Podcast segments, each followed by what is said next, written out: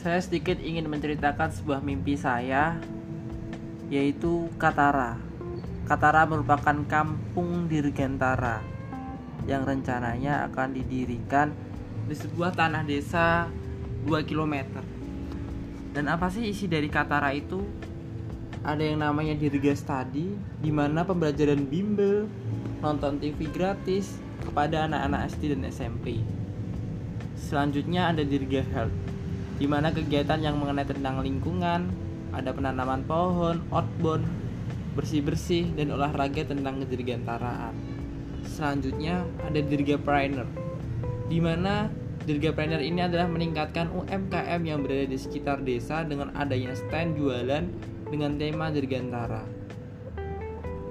Dan pada akhirnya mimpi besar kami yaitu adanya bengkel tani di mana kita melaksanakan kolaborasi antara peternakan dan pertanian dengan teknologi kedirgantaraan untuk menjaga kestabilitasan dari ketahanan pangan di Indonesia.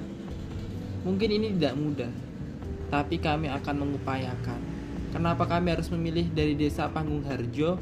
Karena adalah Panggung Harjo memiliki potensi desa yang sangat luar biasa ada sekitar 275 hektar tanah dan ada ratusan UMKM yang ada di sana.